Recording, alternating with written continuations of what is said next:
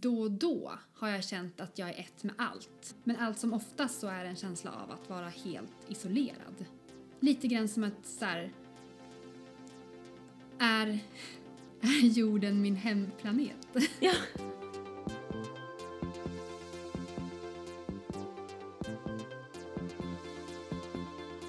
Du lyssnar på HSP-podden med Leveby och Klar. Hej och välkomna till HSB-podden med Leveby och Klar. Podden som handlar om högkänslighet. I den här podden snackar vi om hur livet är för den som lättare tar in intryck och funderar på de stora frågorna i livet. Och oss känner ni väl vid det här laget. Eh, jag heter Matilda Klar och jag är journalist. Jag betraktar mig själv som känslig. Och med mig har jag min kollega och vän Ida Leveby som är högkänslig. Ja, ända ut i fingerspetsarna. Och det har ju ni såklart också märkt som lyssnar att vi går mot höst. Dagarna blir mörkare, löven ändrar färg och luften är sådär härligt klar, krispig. Ja, Men även om hösten rent personligt är min favorit, favoritårstid så kan jag inte hjälpa att jag känner mig lite ensam. jag tror inte att du är ensam om det. Nej. Alltså det är liksom en tid då alla försvinner in till sina mysiga vardagsrum, boar in sig eller så här promenerar i höstsolen, dricker kaffe på stan och jag känner mig bara typ ensammast i världen. Och igår kväll så grät jag på grund av det här. Ja. Och det är ju i sig inget ovanligt. Nej. Alltså jag låter. Men alltså jag satt och tittade ut genom mitt fönster och så tittade jag in i andras fönster där det lyste. Och så kände jag bara att ja, där sitter de. Och här sitter jag. I min ensamhet. Ja. Men jag väljer ju samtidigt att vara ensam ganska mycket. Och det där tycker jag är svårt alltså. Och det är just det här vi ska prata om idag. Högkänslighet och ensamhet. Även om den är självvald så kan den vara fruktansvärt jobbig. Vi har fått, faktiskt eh, fått ett ganska så känslosamt mejl om just det här. Det är en lyssnare som skriver om sin ensamhet trots att hon har både familj och vänner. Och det här vill vi försöka gå djupare i och sätta fingret på lite grann. Vad är det i oss som framkallar de här känslorna och vad kan det bero på? Men först kanske vi ska ta och läsa upp delar av det här lyssnarmejlet. Hej! Lyssnar ibland på er podd och älskar verkligen den och alla bra ämnen som ni tar upp. Är själv HSP och utbränd. När jag för två år sedan insåg att jag var en HSP-person så föll alla bitarna på plats. Det kändes som att jag kom till himlen med min insikt och kunde starta min rehabilitering på riktigt. Har fått ändra om mitt liv rejält, bytte jobb till ett ensamt arbete. Så skönt. Jag är bra på mitt jobb, inga kollegor att ta hänsyn till. Men efter ett par år så kommer ensamheten som blir jobbig emellanåt. Samtidigt som jag inte orkar omge mig med för mycket människor. Jag har tagit bort människor i mitt liv. Känner mig ofta ensam. Ni vet, allra längst in. Vill bli kramad och sedd, få vara det lilla barnet ibland. Bli omhändertagen utan krav tillbaka. Tror ni känner igen det? Skulle vara intressant om ni ville prata om det i er podd på något sätt. Jag är ju inte ensam egentligen. Har en underbar man och familj och vänner. Ändå känner jag mig så ensam djupt i mitt inre. Och jag söker ju ensamheten ofta för att orka vara social. Tack för att ni finns. Lyssna på er ibland när ensamheten känns. Det är ett jobbigt läge det här, tycker jag att det låter som. För att personen behöver ensamheten samtidigt som hen blir ledsen av den på samma gång. Vad tänker du om det här, Ida? Ja, det är lite det man kan läsa. Ehm, samtidigt så känner jag att det finns ju någonting annat här också. Mm. Det finns ju det här klassiska, att vi drar oss undan, att vi behöver egen tid. Men också en slags, tolkar jag in det, ehm, existentiell ensamhet. Mm. Alltså den här ensamheten som vi kanske alla känner då och då i och med att vi på något sätt föds ensamma och dör ensamma. Den här lyssnaren pratar ju om att känna sig ensam allra längst in. Precis.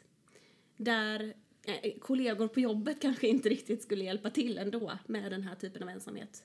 Nej, och inte, inte vänner och familj heller verkar det som. Nej. Och det kan ju vara jobbigt kanske att behöva erkänna för sig själv också. Ja. Och kanske jobbigt att behöva prata om med sin familj. Mm. För det är väl ingen partner eller vän som vill höra det att du uppfyller inte mina behov. Nej, precis. Jag känner mig ensam trots att vi är ett par eller vänner eller gifta Mm. eller vad det nu är för någonting. Mm. Det kan ju inte vara så lätt att, att lufta. Nej, verkligen inte. Men kan du känna igen dig i det här, Ida? Men definitivt. Alltså det finns ju en slags... Eh, alltså det är lite jobbigt att, att ta på sådär. Mm. Men eh, det tycker jag ända sedan jag var liten. Att en känsla av att inte riktigt höra hemma. Nej. Att inte riktigt passa in. Att titta på omvärlden och inse att man inte är en del av den. Nej. Så är det för mig i alla fall. Att känna liksom att... Eh, att dryfta de här sakerna går inte. Nej. Och att vara ensam med det och ha de här djupa funderingarna och ja, men en slags tillhörighet kanske som, eh, som jag nu tror att jag kanske bara hittar så här, i mig själv. Eller då och då har jag känt att jag är ett med allt. Mm. Det kan ju vara om jag får någon slags aha-upplevelse eller sitter på en bergstopp eller mediterar. Då kan jag känna att så här, alla hör ihop Ja. på något sätt. Mm. Men allt som oftast så är det en känsla av att vara helt isolerad. Ja. Lite grann som att så här, är, är jorden min hemplanet? Ja, det är så pass. ja. Ja.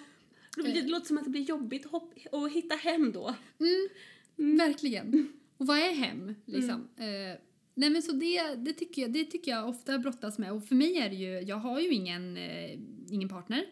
Så jag bor ju själv. Och det är klart att det kanske skulle underlätta om man hade någon att dela livet med, alltså en livskamrat. Det tror jag och hoppas skulle underlätta. Mm. Men det vet ju ingen om det blir så. Nej. Och det är väl där jag har fått förlika mig med tanken att så här, ja, det kan vara så att det är eh, me, myself and I liksom. Mm. Men tror du att eh, den ensamhetskänslan skulle försvinna om du hade en partner? Så förmodligen inte. Nej. Men det handlar ju också om lite grann som den här lyssnaren tar upp. Att dra sig tillbaka Mm. för att orka. Mm. Och det är ju någonting jag behöver göra själv. Och det är ju en jätte, och det känns ju lite grann som en förbannelse. Ja. Att hela tiden vara tvingad till ensamhet. Ja. Fastän jag mår så bra av det Mm. så är det ju också en fiende. Och så tror jag att det kommer vara hela livet. Så livsviktigt men eh, farligt samtidigt. Ja, Ja. livsviktigt och livshotande Mm. är kanske lite dramatiskt men eh, vissa stunder Mm. så känns det så. Mm. Visst. När känner du dig ensam? Och på vilken nivå skulle du säga att det, det är då? Jag tror inte att jag brukar känna mig ensam i liksom i själen direkt så på djupet. Men jag har nog eh, också upplevt det där som du berättade om när du var mindre eller när du var liten om att jag inte känner att jag få riktig kontakt med mina medmänniskor kanske eller med liksom omvärlden. Eh, utan att jag söker, och det handlar väl mer att, om att söka en större förståelse eller en större connection med människor eller vad det än må vara. Kan det kanske är med allt, som du sa. Eh, en samhörighet, liksom. Och det där kommer jag ihåg att jag kände när jag var liten. Idag känner jag det nog inte riktigt på samma sätt. Och det som jag kanske hoppas på då, vad det, att det beror på, kan ju vara att jag kanske ändå har hittat hem lite mer i mig själv. Mm. Ehm, eller att jag kan känna den här samma, samhörigheten i ett större perspektiv. Inte jättestarkt, jag är ju inte, jag är ju inte jätteandlig på det sättet egentligen så. Men på något sätt i alla fall att jag vet vad jag... Ja men det är nog att jag är stark i mig själv tror jag, eller att jag vet vad jag tror på. Att jag kan stå, att jag kan stå ensam på ett annat sätt kanske än vad man kan göra när man är barn. Låter det rimligt tycker du? Ja, men jag, det där tycker jag resonerar i mig. Ja. För så känner jag också, att jag känner mig trygg i att jag kan vara själv. Mm. Och jag var på en ensam charter här i somras. Mm. Var ju ensam hela tiden eh, och badade och solade. Och åkte in till huvudstaden. Jag var på Kreta och eh, åkte buss där och gick omkring. Och sen så kände jag när jag åkte bussen hem att "Nej, men nu behöver jag lite egen tid. och då började jag skratta för mig själv och tänkte men vad fan sa jag nu? Ja. Liksom, jag är ju här själv, jag har inte pratat med någon på en hel vecka. Nej. Men nu behöver jag egen tid. Ja. Vad menar jag med det? Förmodligen då att jag har fått intryck. Det har suttit människor bredvid mig på bussen. Deras blotta energi gör ju att jag tar in den. Hör ju vad de säger. Det spelas musik på bussen. Eh, jag gick ut i havet. Vågorna var väldigt vackra. Det var människor som tog kort. Så då har jag ju omgetts av människor. Och då antar jag att jag behövde egen tid. Ja. Helt tyst och helt lugnt. Ja. Men då kom den där tanken till mig att men herregud, jag håller på att bli en egen ö. Mm. Och det där du säger då om att vara stark i sig själv och kunna stå själv och kunna vara ensam. Det är otroligt positivt. För vi lever ju våra liv med oss själva. Mm. Men jag tycker också att det är en liten obehaglig tanke Mm. att vi blir öar. Ja. Det är det ju. I det lilla och i det stora. Mm. På e- liksom, Är det en bra att en sak? person blir en ö, det är inte så bra för den personen. Och det är inte bra för samhället i stort att vi blir e- egna öar heller egentligen, Nej. tänker jag. Så på ett sätt är det jättepositivt att man klarar av det Mm. och att man känner sig stark. Men det finns också någonting där som jag tycker känns lite onaturligt i att vara en egen ö. Mm. När tanken väl är att vi ska kunna komma samman. Mm. Och det här är ju någon slags filosofisk eh, tanke. Mm. Men eh, om vi nu går tillbaka till högkänsligheten. Varför tror vi att det är så här just för högkänsliga? Nu vet vi inte om det är just... Det är inte specifikt för högkänsliga. Alla känner ju så här någon gång. Vi har ju fått flera såna här indikationer dock på att högkänsliga har de här eh, lite tankarna om att inte känna sig eh, sam, känna den här samhörigheten. Nej, precis. Kanske. Jag, jag tänker att en aspekt där tror jag är det vi pratade om lite förra, i förra avsnittet. Då pratade vi om vad som händer i en när man får reda på att man är högkänslig. Mm. Och där kom ju alla våra gäster som vi har haft här i podden, och du också, eh, kom ju fram till att jag tror för de flesta att den största man fick med sig därifrån var att jag känner mig inte ensam längre. Mm. Eller hur? Mm. Så bara... Där har vi ju någonting, tänker jag, som är ganska tydligt. Att många högkänsliga känner sig ensamma. När och man att inte... vi har gjort det länge och Ja. kanske hela livet innan insikten. Ja. Att man känner sig annorlunda, konstig, inte likadan, inte fungerar på samma sätt som andra och att man är ensam om det. Ja, att inte känna igen sig i andra Mm. och att inte känna sig förstådd och kanske inte heller alltid förstå Nej, medmänniskorna. nej. Såklart. Men det borde ju också göra att, att ensamheten minskar, vilket jag tror att det också gör. Men det verkar ju samtidigt fortsätta på den här liksom djupt in i själen-nivån kanske. Mm. Tänker kan det vara någon slags... Eh, alltså just det här med djupa funderingar. Ja, Vi kanske går dit lite oftare än gemene person. ja, precis. Det är ju ett kriterie för att... Eller en av de här frågorna väl på Elaine Arons test, hon som har eh, myntat begreppet högkänslighet. Att man ofta har då djupa funderingar. Ja.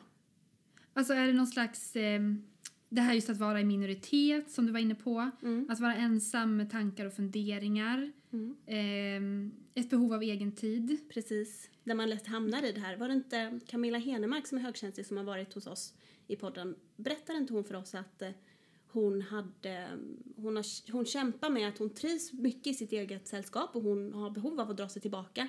Men att hon behöver folk runt henne som drar ut henne från, Ja. från den här ensamheten för att annars eh, har hon lätt för att hamna i ett djupt hål.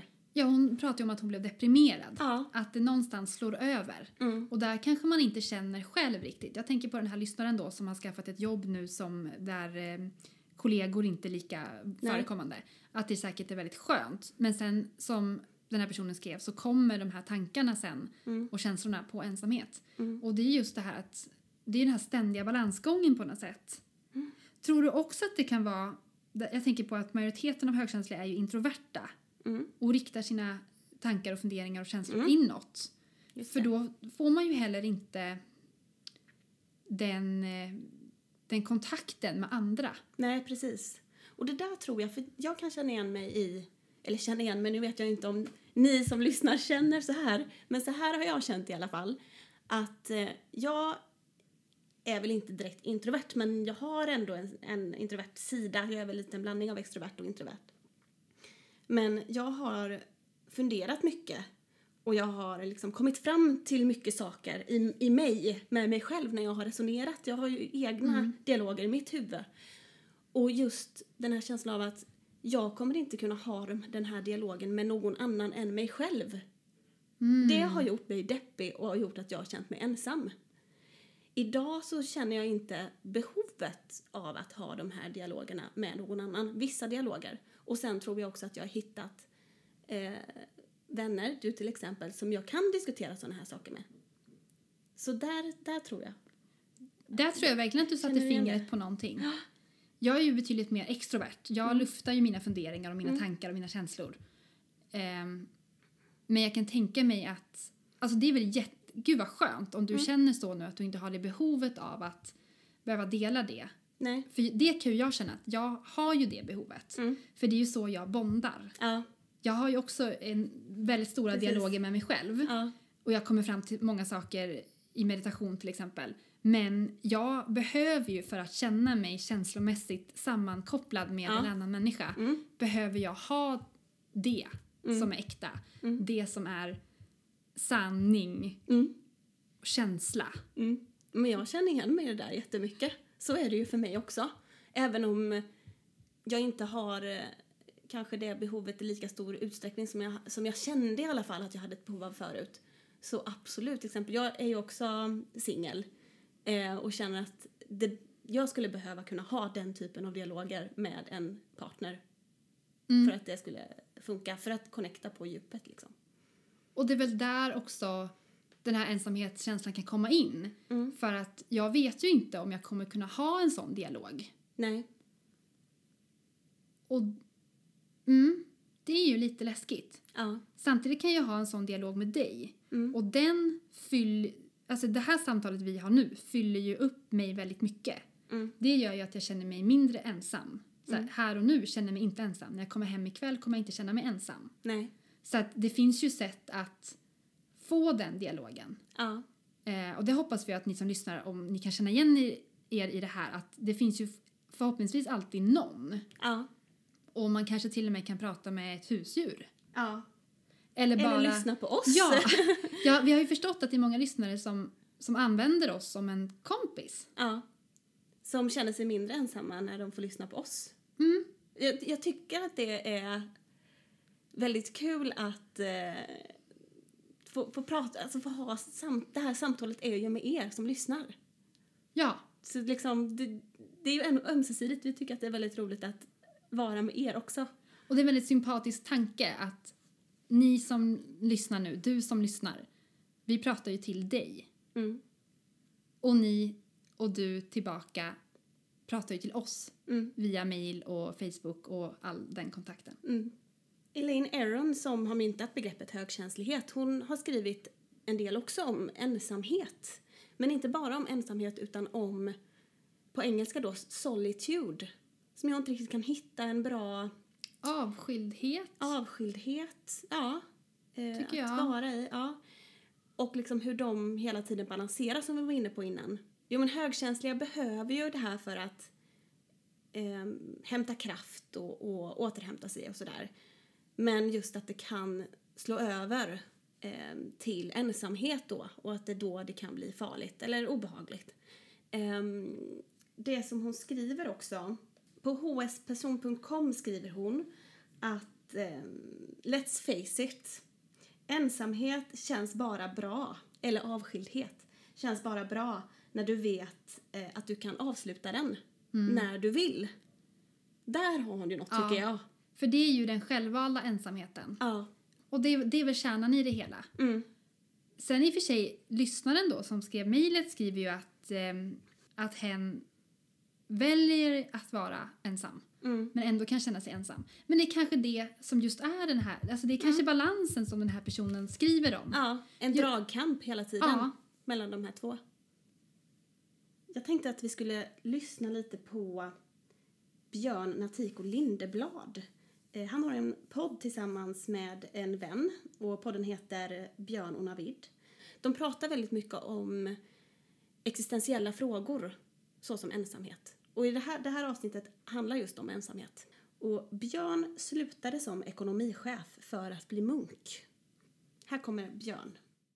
Men jag tror det var sjätte året som jag var munk i Thailand så var jag ju eremit rent fysiskt. Jag flyttade till en helt annan del av Thailand. En liten bambuhydda på, jag vet inte, fem kvadrat knappt. Det var inte riktigt ståhöjd ens tror jag. Och eh, konstigt som det låter, uppe i en nationalpark, liksom en halvtimmes promenad ifrån den närmaste lilla byn där jag gick allmoserunda varje morgon. Och det var ju en slags eh, distraktions och underhållningsfasta. Jag hade verkligen ingenting att underhålla mig med förutom lite ganska mossiga klassiska buddhistiska böcker som skrevs för ett par tusen år sedan. Men det året var ett väldigt lyckligt år. Och så jämför jag det med första året eller två när jag kom hem från munklivet. Då var jag också väldigt, väldigt ensam. Mm. Och om jag tänker tillbaks på året som eremit så var det ett av mina lyckligaste år. Och även om jag var fysiskt ensam så kände jag kontinuerlig tillhörighet. Mm. Jag har ju alltid haft svårt att identifiera mig med en grupp. Jag har aldrig ens lyckats heja på ett fotbollslag med någon större övertygelse, du vet, eller känna att jag är hårdrockare eller jag är whatever, liksom, politisk hemvist eller vad du vill. Så det var lite överraskande för mig själv när jag hittade den här exotiska, konstiga gamla traditionen i Thailand och kände wow, jag har hittat min stam, mitt gäng, det var stort för mig. Mm. Så fast jag var fysiskt ensam hela dagen, förutom allmoserundan, varje dag i princip i ett års tid, så led jag väldigt lite eller inte alls av att vara ensam. För jag kände att jag hörde till någonting större. Vad säger du om det här då, Ida? På ett sätt tänker jag så att man hör ju tryggheten i hans röst. Mm. Man hör att han tycker att det var skönt. Samtidigt så får jag lite jag får lite skräck av att höra vara ensam varje dag med sig själv i ett år. Mm. Eh, jag övar ju på veckor kanske, Mm. så här, i hel, total ensamhet. Ehm, men just det här han pratar om att vara en del av någonting större. Ja. Det var ju det då kanske, att han hittade till Ja, sin grupp. Och det är väl precis. det vi kanske alla behöver, vad det nu än må vara. Hitta våra gelikar. Precis. För det är ju när man är ensam som man är sårbar. Ja. Och hitta sina gelikar i det större sammanhanget, det som man tror på. Jag tror till exempel att ett sånt sammanhang kan vara just som för Björn då, en, ett andligt sammanhang eller ett religiöst sammanhang. Kyrkan eller någon annan religion. För mig är det ju högkänsligheten. Ja, precis. Och eh, sen för andra kanske det är eh, ideologi, ett parti som man står upp för, eller aktivism eller Värderingar. miljön, olika typer av värderingar. Eh, för mig är det ju Prince, som jag älskar. Ehm, kanske inte riktigt på samma nivå, men när jag hittade andra som tyckte om Prince musik så var det ändå en stor grej för mig, för att jag trodde att det här är jag väl ensam om.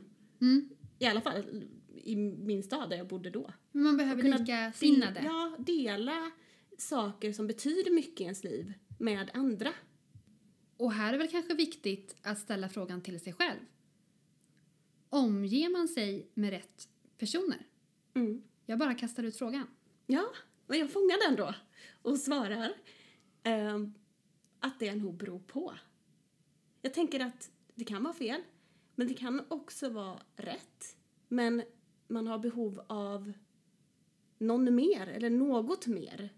Det, man kanske får vissa behov tillfredsställda från de här personerna man redan har i sitt liv, men man saknar en sam samhörighet som man kan hitta hos en annan grupp eller en annan person. Till exempel en kör eller om det är någon, kan ju vara sådana saker. Att man kanske också vill ha med, eller vad tänker du? Jo, men det finns ju fler grupper att tillhöra Ja. naturligtvis. Om ni har frågor eller eh, reflektioner som ni vill delge oss så går det ju bra att mejla till oss. Ni når oss på leverbyochklar@gmail.com. Och eh, ni får gärna prenumerera på oss också så missar ni inte framtida avsnitt. Nu är det väl dags för eh, vår favor- favoritpoet Bertil Monegrim. Ja, och han ska vara riktigt, riktigt aktuell här nu.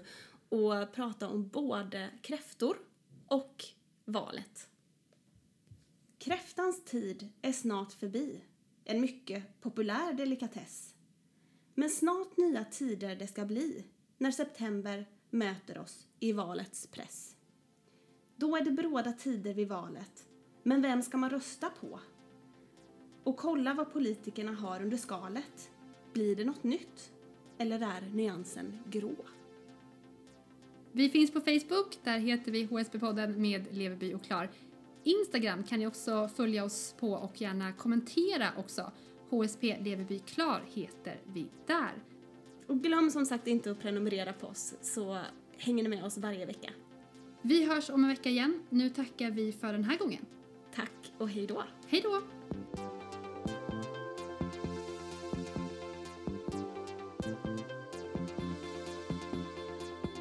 Du har lyssnat på HSP-podden med Leveby och Klar.